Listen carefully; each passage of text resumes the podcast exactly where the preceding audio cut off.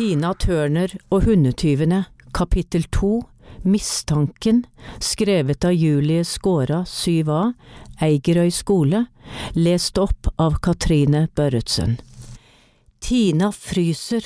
Det er mørkt. Hun kjenner blodsmak i munnen. Hun har så vondt i beinet og… Å nei, hvor er Danny? Hun merker redsel komme opp fra dypt ned i magen, men hun klarer verken skrike, reise seg eller åpne øynene. Hun kjenner en hånd over pannen sin, det er mamma. Med en gang føler hun seg tryggere. Men hva er det? Det høres ut som sirener. Hun klarer endelig å åpne øynene, men hun ser veldig uklart. Hun er våken, sier mamma. Går det bra med deg? Tina skulle ønske hun kunne svare ja, men det gikk jo ikke bra. Hun hadde fryktelig vondt i beinet, og fjeset var fullt av blod. Og verst av alt, Danny var borte. Tina rister på hodet som et tegn på nei. Slapp av, dette skal gå helt bra, hører hun pappa si. Vi er her, hvisker mamma. Like etterpå merker hun at hun blir løftet opp på en båre og ført til en bil.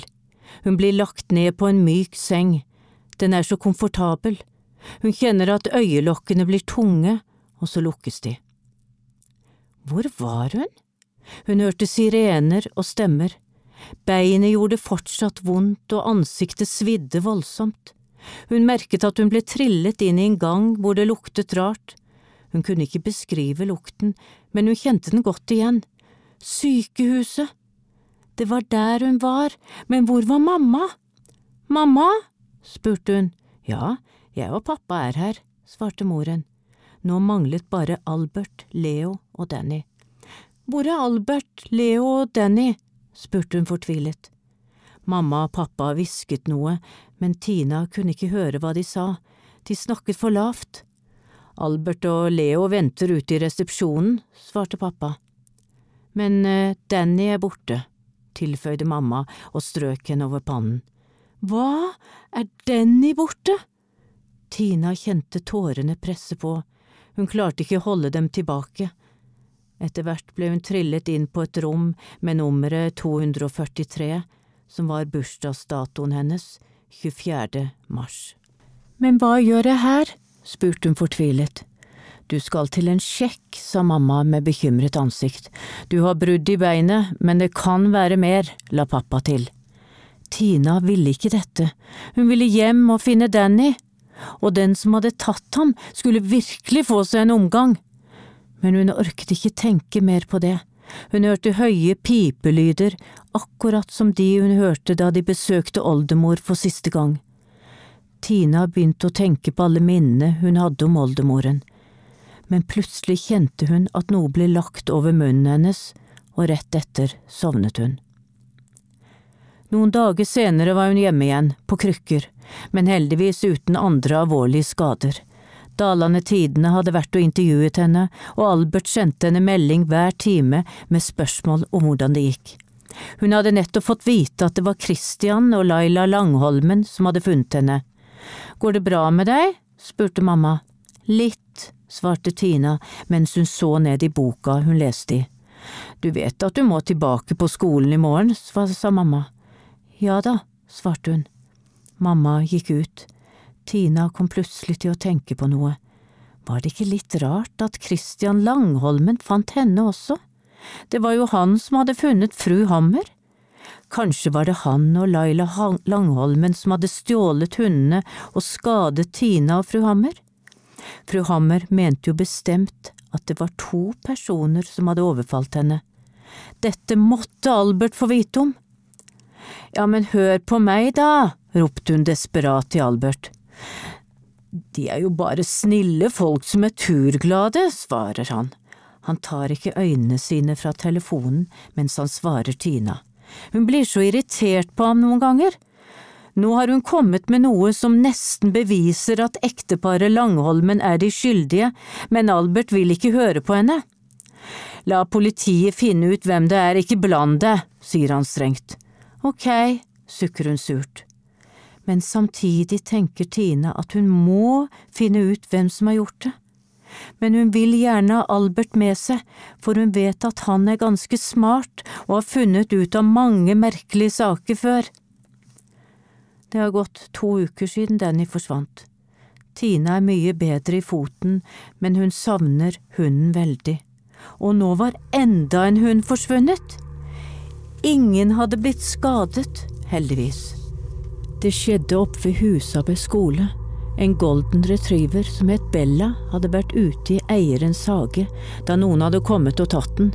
Familien hadde hørt litt bjeffing, men de tenkte at det bare var Bella som bjeffet på en annen hund. Da de var ferdig med å spise, skulle faren i huset ut og gi mat til hunden, men da var den borte. Tina ble mer og mer urolig for Danny.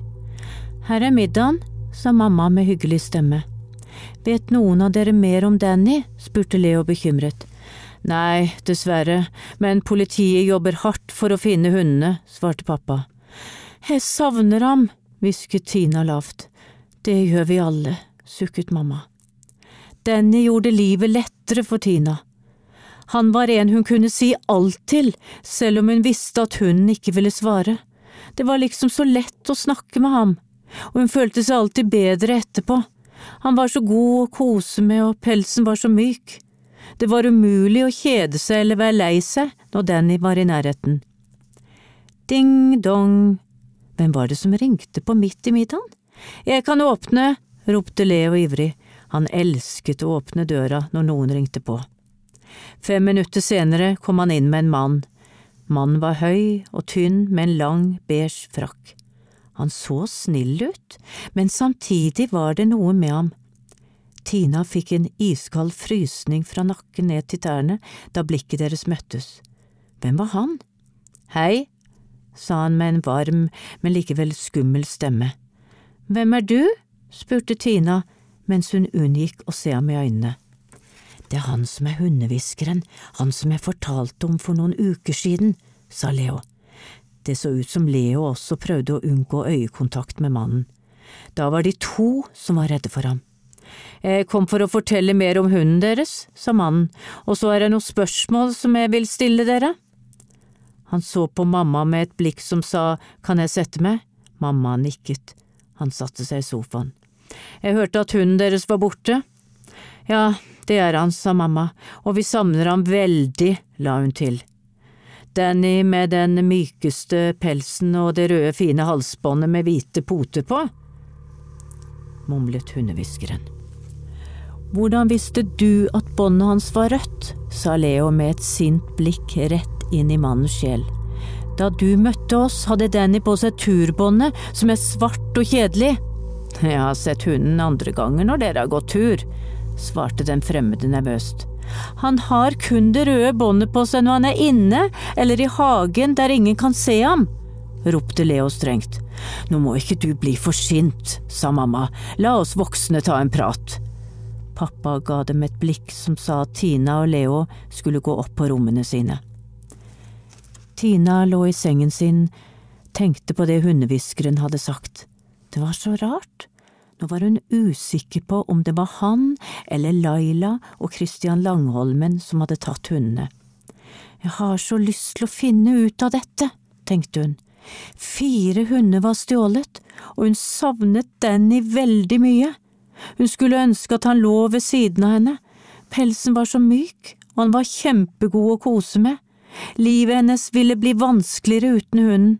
Danny var en av hennes beste venner, men nå var han ikke her. Tina tok opp mobilen sin og gikk inn på Dalane Tidenes i nettavis. Enda en hund var tatt!